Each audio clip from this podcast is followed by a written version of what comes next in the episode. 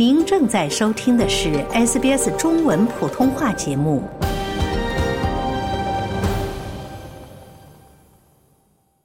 从法律角度看待社会现象，以专家意见指点生活迷津。请听现场说法。现场说法，您了解法律、咨询问题的空间。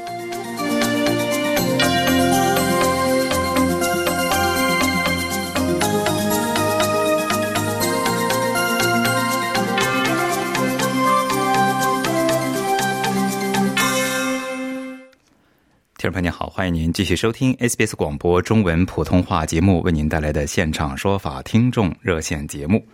在此前的节目中呢，我们为您介绍过一个案例哈，那就是在黄金海岸呢，一对夫妇买房并居住数年后，发现房子仍属于原房主。目前呢，法律这个案例呢进行的一个新的阶段，经法院判决呢，该夫妇目前是暂时被判获赔二百七十万澳元赔偿。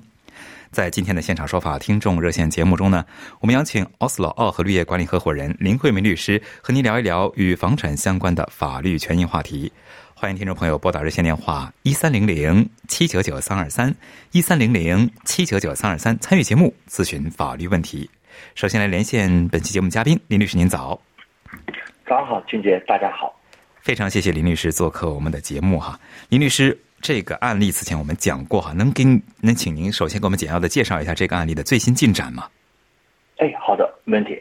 呃，最新进展呢是这个黄金海岸的夫妇啊，J C 跟 J K 啊，因为失去房产呢而被法院呃判决获得了两百七十万澳元的赔偿的这个现金。那大家可能会奇怪，哎。当时都已经买房过户了，把这个钱给付出去了，怎么现在这笔钱现金拿回来，房产依然不是他们的呢？呃，这是因为啊，在当时的这个卖家在卖的时候。被发现当中的这个贷款解押拍卖的程序上面其实是有问题的。然后根据我们的这个土地登记制度，这个登记的流程的登记的这个显示啊，一直都还是在原卖家的这个名下的。也就是说，根据土地登记法，那这个产权并没有过户完。那么因此呢，这个登记产权依然属于卖家，而买家当时付出去的钱，包括他们因此而付出一些成本。包括这个涨幅啊，应该是由当时的拍卖过错方拍卖或者解押方进行赔偿。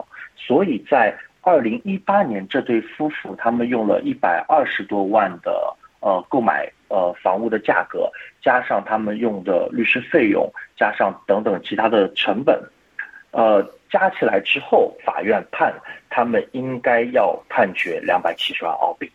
嗯，就说这个。判决的这个两百七十万澳币还是有可能被推翻的，对不对？呃，这就看这个过错方他们是否要去上诉，然后呢，认为这个金额太高，同时呢，也要看这对夫妇是否上诉，让他们呃，他们觉得他们应该得到房产，而不是应该得到现金。就说这个赔偿的钱应该是由这个过错方，这个最终是所谓的引号非法拍卖这个房产的这个拍卖方来去支付的，是吧？对。当中的过错方，就说，嗯，这个案例中啊，其实引申出不少与房产相关的法律权益哈。就说，作为我们普通一个购房者或者普通老百姓来说，一般要了解哪些与房产相关的法律权益是必要的呢？嗯，是的，这个非常重要。其实，在一八年的时候，这对夫妇如果对一些呃房房产相关的法律权益，特别是一些妨害。也就是说，一些限制、权益限制比较敏感的话，或者让律师多加一个心眼的话，有可能不会呃经历这五年这么糟糕的一个经历。最后，比如说拿到了更多的现金，但其实他们内心并不想要这样的权益。有，比如说第一个，我说 covenant。Covenant 指的是说注册在地面土地上的一个永久的土地限制，也是比较常见的一种土地限制。比如说啊，说这个土地上呢只能盖一个房子，或者说这个房子呢只能够是多少面积以上或者以下，或者说它的外墙呢一定要用什么样的材质的建材来建造等等。那么这个限制呢，它主要是对土地的开发或者建筑的这个建造，呃。同时呢，也可能会限制他，比如说他不能一分二来建两个或多个房子，当然业主啊也可以去申请移除 covenant。但这种情况下呢，业主呢也需要考虑，哎，我买了这个土地之后，我申请去移除所需要付出的相关的费用啊，投入的时间啊和精力啊等等，这是第一种比较常见的，大家在做这个 title search，就我们常说的产权调查的时候，要注意是否有这个 covenant。那第二个呢，大家也要一定要注意的就是我们说的这个 easement。这个应该是大家在买房的时候，呃，可能会听说到最多的。呃，听众朋友们，如果正在考虑买房或者已经是业主的话，可以再查一查那个房子有没有 easement。呃，用中文讲呢，就是地役权。地役权呢，一般有好几种啊，比如说水公司的 easement，证明呢，在这个房子的土地下面呢，就可能有排污水道啊，然后或者呢，是你的邻居或者第三方有权在你的土地上路过。这叫什么意思？比如说，呃，您在您的房子呢是在一个呃这个路最最呃就是唯一通道的倒数第二户，而最后一户呢不经过您家土地门口的这个呃路的话，是无法抵达他自己家的土地。那这时候，对，这时候在历史的角度呢，当时在建或者分割这两块土地的时候。那倒数第二块土地呢，可能就赋予了最后一块土地一个让它经过的权利。那这种情况下，从历史的角度呢，可能最后一块土地在历史上可能给他付过一些钱或者其他的一些 benefits，拿到了这个通路权。嗯，那这样的意思们就会登记在产权上。其实就是说，呃，即使没有付过钱，但是呢，已经写名的话。比方说，这个房产合同或者是在土地注册的地方写明的话，也是可以使用的，对吧？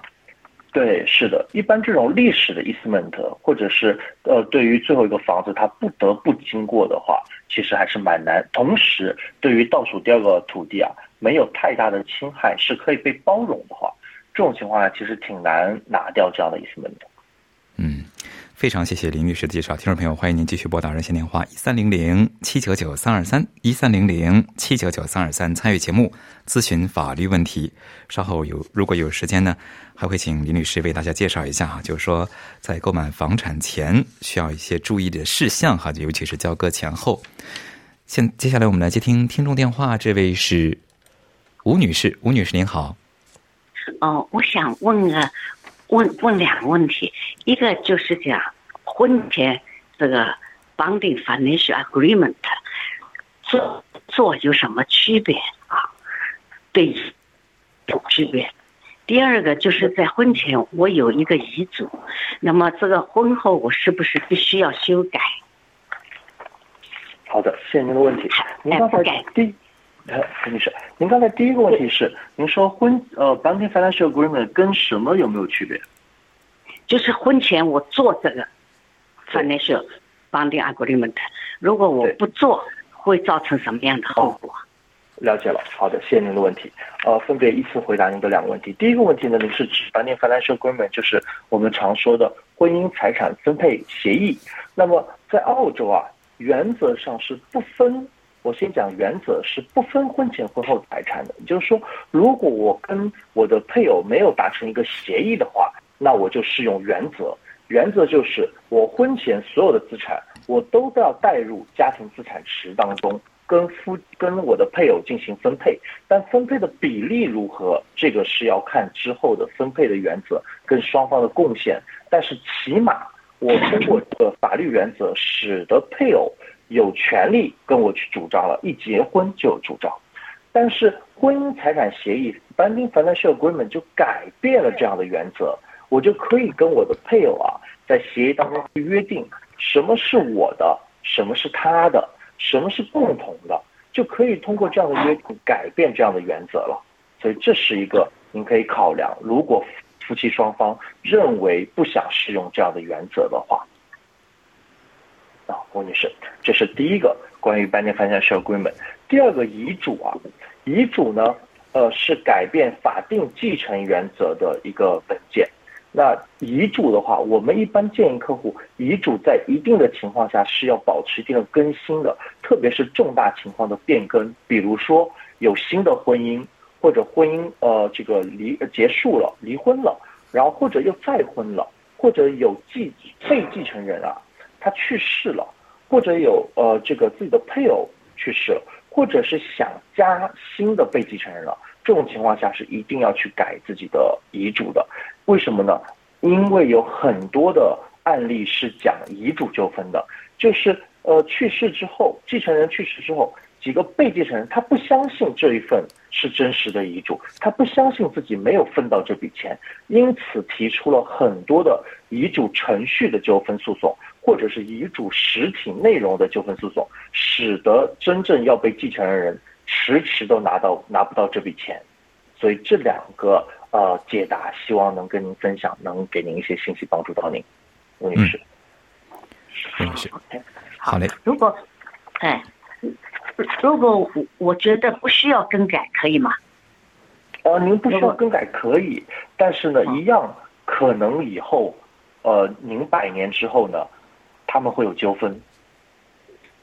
嗯，对，那就要请律师或者您跟他们提前都公示好，让他们去避免这样纠纷的可能。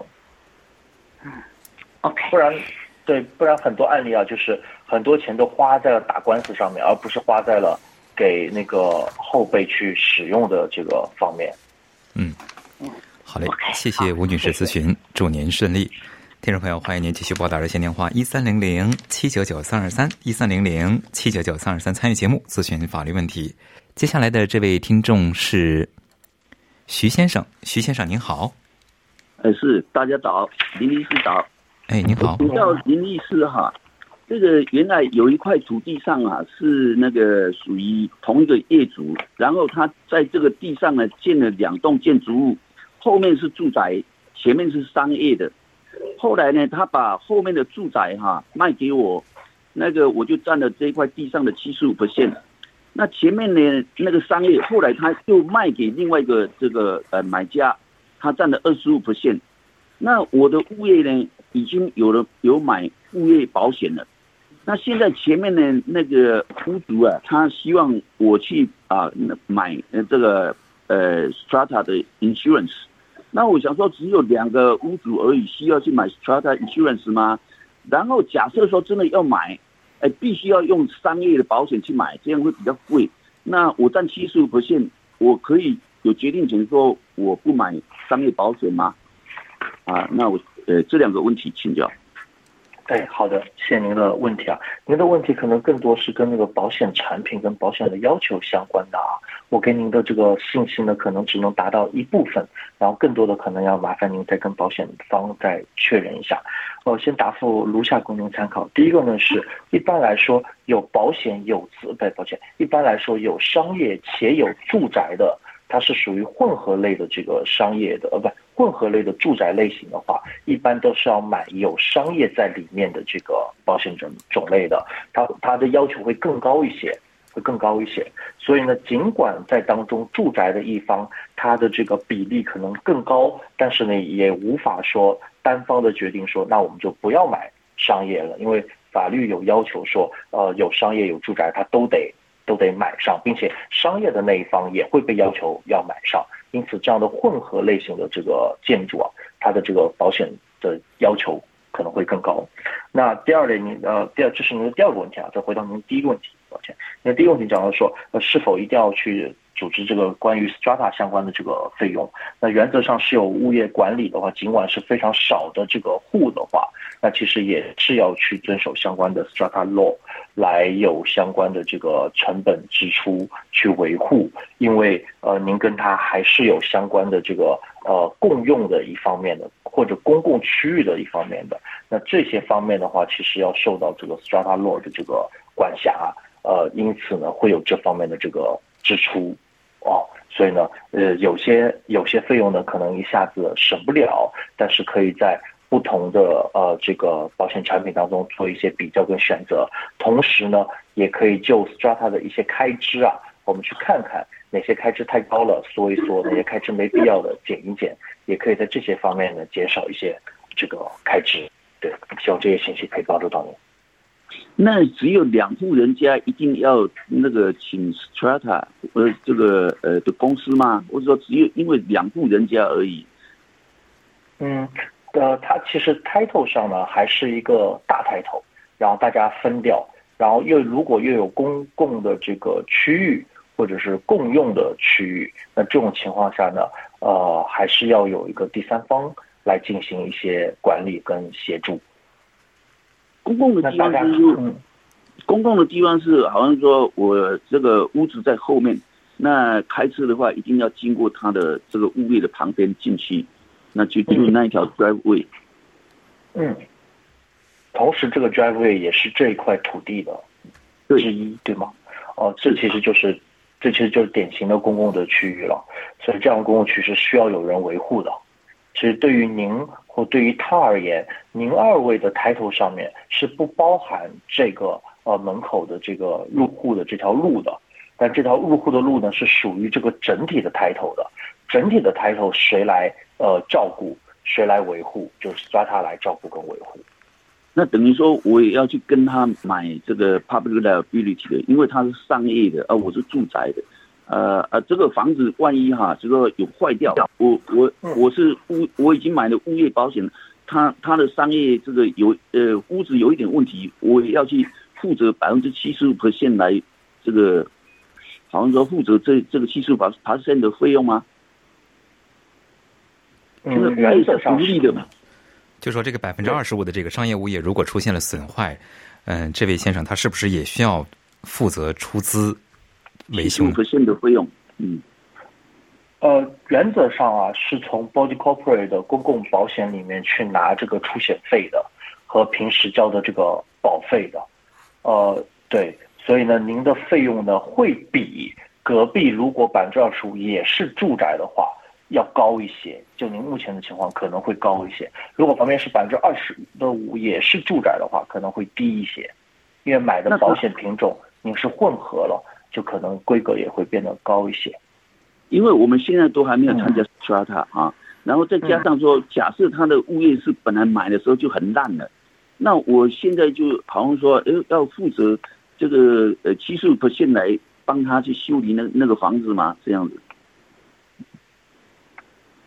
呃，如果已经有已经有存在的一些问题，但这些问题呢不涉及到出保险的话，那大家就去用维护好了，就不一定要出保险，然后让保险再过来去修复它嗯，那应该就是各自修各自的，对吧？还是啊，还是要把这笔钱放到公共里面，然后公共去买整个小区的保险。嗯没有，我们现在只有两户人家，也没有什么小区，而是说啊，这个呃呃物业，我我的物业我有买保险，照理讲他的物业应该由他自己去买保险，结果呢，现在我们都还没有买保险啊，他要求我去买保险，那我说有那个买下来的保险是商业的，然后再加上说，假设他买的房子啊，他刚买的时候当然没有问题，现在有问题，那要我出百分之七十五去跟他修理他的房子，这样对吗？呃，可能讲的是不是通过保险修理他的房子，而是他自己不出保险的那部分，他自己要先去把它给维护好，这也是他的义务。等到真的要出保险的那个环节啊，是从大家整体的保险的费用里面再去出。嗯，徐先生供您参考。好，好好，谢谢，谢谢您。谢谢您。接下来我们接听下面一位听众，这位是 Lisa，Lisa 您好。哎，你好啊、我想请问一下律师哈啊、我是澳大利亚人，然后我我六十岁，然后儿子也在这边，也是澳大利亚人，然后就是我出资在中国呃让我姐姐驰名买的房子，那姐姐也有女儿，也有一个女儿，那么如果说要写要请她写遗嘱的话。然后将来她如果过世之后把这个财产继承给我的话，这个遗嘱啊、需不需要她的女儿也见证，或者怎么样写遗嘱比较好，能保证这个我的利益？嗯，好的，谢谢您的问题。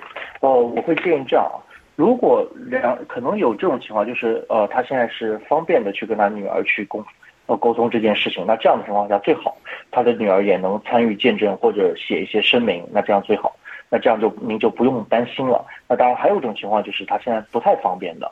呃，他你们也不想让女儿去知道太多了。那这种情况下呢，会建议有两种形式。第一种呢是在遗嘱的这个背呃这个背景上啊，去详细的去介绍，当时是通过什么原因、什么资金来源，所以姐姐买了这套房子。因此，在这个百年之后呢，要考虑把这套房子呢再回给您或者回给您的孩子等等这样的背景呢，要写的更加详实，包括资金来源。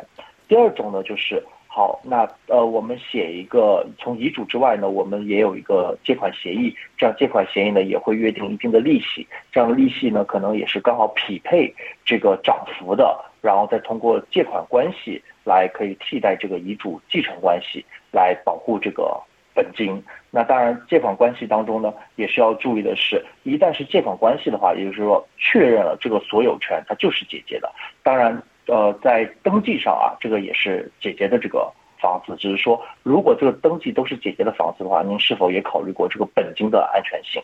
所以在所有权发生变更之前，有个借款协议，它是可以保住您的这个本金的。然后或者在他的呃百年的时候需要去还这笔本金和利息，或者是在百年的时候他需要把这个遗通过遗嘱啊，把这个房子的所有权再过户给您。但这时候您要再注意一个问题啊。就是关于这个海外人士继承的问题。那这个问题呢，呃，我们无法给予中国法的建议，但是我能告知的是，中国法在遗在继承上，对于海外人士来继承的相关的这个呃法律规章啊，可能比较可能比较杂一些，也可能比较没有那么完善一些，所以这方面一定要在当地的这个呃沟通清楚，以免呃我们前面说的协议都完善了，呃都齐备了。但是在于海外人士回去继承的时候，又遇到了蛮多的问题，啊，对，Lisa，供您参考，Lisa。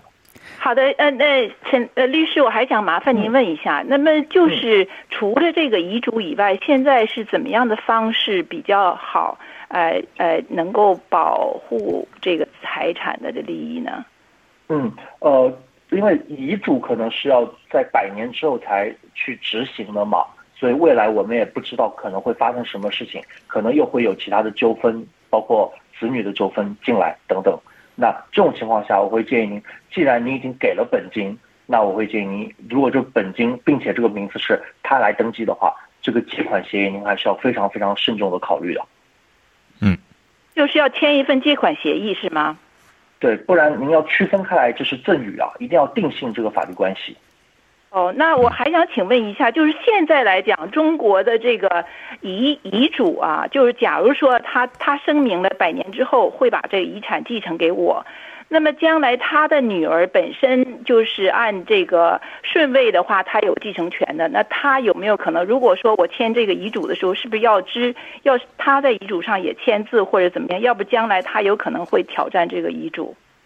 嗯，这个您看，刚才我们在解释当中给您也分享过，说对，说如果现在他方便知道的话，那最好了，赶快让他参与很多，包括放弃声明啊，包括知晓啊、见证啊等等。如果他现在不方便知道的话，那一定要在背景里面非常详细的去写明这个原因，包括背景，包括资金来源，这样以防一些纠纷。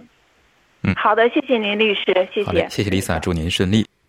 接下来这位听众是，好，李先生您好，呃呃，律师早上好，呃，主持人好，您好，想问问一个问，我替朋友问一下，就是，呃，现在离婚的那个呃 certificate 已经拿到了，然后 parenting 跟那个呃 probate settlement 还没有做，但是现在离婚拿到了之后，嗯，还有不到一年时间，如果其实想问一下，如果到明年。比如三月之前，然后这个 property settlement 都没有做，然后 parenting 都没有做，之后是那个 family court 就不管了，对吧？然后就是那 local court 管嘛？如果 local court 不管，就是这没有离 property settlement 都没有做，什么都没有做的时候，走这个 consent 的还能做吗？比如说后来前期又想通了，还做 consent 的还能做吗？还是说之后过了一年了也没有机会了，这 consent 的也不能做了？这这是第一个问题。对，第二个问题就是前期 mediation 他没有做成，做没有做成呢？然后但是前期要求这个，嗯，呃，让这男方主动放弃孩子所有的，因为不让看孩子嘛，然后让放弃孩子所有的这种重大决策的决定权，就是以后孩子想干什么都是他妈管，然后前妻来管，然后就那这个合理吗？这个这个，这个。如果不合理，还有什么别的办法？比如说，还得走 family court 吗？还是说，这东西，嗯，如果不管了，就最后就都不管了，就算了。嗯，了解。好，谢谢您，李先生，您的两个问题。好，呃，我先问一些背景事实啊。就第一个，孩子多大？孩子是十三岁。十三岁，好，一就一个孩子对吗？两个。另外一个呢？另外一个是十一岁。十一岁，好。然后再请问一下，十四岁，好。再请问一下，双方的身体状态、精神状态都是正常良好的吗？对，正常良好的。好的。再问一下，有家暴令吗？有。有家暴令是对抗您的对吗？对。好的。呃，再一个，孩子现在已经有护照了吗？有。好的。呃，再一个，他现在无，他现在不想去分割财产，主要是因为家暴令，他不想跟您靠近交流，还有别的原因吗？还有别的原因就是没有钱。哦，就是双方分的资产是不多的，所以他不想去分，我能这这么理解吗？对，然后就是找律师分那个钱都都，呃，金额都比较高，就是律师费比较高，所以大家都了解对，但是又不想坐下来一块谈，不想坐下来一块去。作为抗骚的，对，了解了。这个家暴令是让您不能直接跟他对话的，还是良好的行为？Good be 不能直接对话的。好的，好，好。那我用下面的几呃这个时间来跟呃分呃分析一下您刚才说的一到二点的问题。第一个问题，财产分割是这样的，原则上呢，像您所说的是离婚证下来之后的一年之内啊，要提出相关的这个财产方面这个诉讼的。但是呢，不是说一年之后我们就不能去不能去法庭分了，一样能去法庭分。但是呢，一年之后如果去分的话，先先要去向法庭说明说多一个步骤啊，先要去说明说为什么我们没有在离婚之后的一年之内就去，呃，就去向去法院去提出这个离婚的这个财产的方面的这个诉讼。或者主张了，要先解决这个程序问题，才能进入实体问题。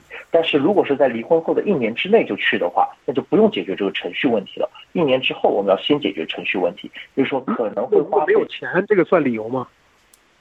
哦，没有钱算没没有钱算理由，但是呢，法院也会问没有钱，那你们有没有通过其他的方式去谈，去谈，也也需要非常详细的去说明这个。理由，所以就因此也就是说，一年之后我们要花费更多的时间、精力，甚至金钱去解决这个程序问题先。那当然之后你也可以通过 consent order 的形式，不一定要是对抗，呃，就是我们打他，然后他们打我这样形式，而且也可以通过 consent order 的形式，双方来约定呃法院的一个 order，然后判下来也是可以的。这是第一个问题。第二个问题，就算您有家暴令，他让您放弃对于孩子的。所有的重大事项的决定权，这个是不合理的。同时，您也不能卸下您的法定义务，说您不管孩子、不看孩子，这也是不行的。只能在抚养时间上面做一定的倾斜，比如说他多一点抚养时间，您少一点抚养时间，或者呢，就是呃，就您要付一些抚养费，或者就是您因为家暴令的限制，所以现在不能太接近孩子，或者只能向法。对，他是现在是这样的。他说，孩子只要不想看我，那就不能看。然后孩子给这个 family therapist 说，然后 therapist 说不能看我，那也就不能看。啊，林律师一句话总结一下。孩子这样的。对，是的。对于孩子抚养方面，我能讲的是：一，您是有法定义务一定要去看的；二，您他不会不能拿掉您看孩子的权利；三，可能是阶段性的。呃，下一段时间缓整之后，您可能更多的陪伴孩子。非常感谢林律师介绍，也非常感谢李先生以及所有听众朋友们的支持。那么今天的节目要和您说再见了，因个人情况因人而异，法律问题复杂，本节目仅供一般性参考，并无意提供任何个案法律建议。具体法律纠纷，请您咨询专业的律师。想在 SBS 当一回影评人吗？SBS On Demand 正在推送配有中文字幕的热门影视作品。您只需观看一部或以上影视作品，并把影评观后感发给我们，就有机会赢得一份 SBS 精美礼品。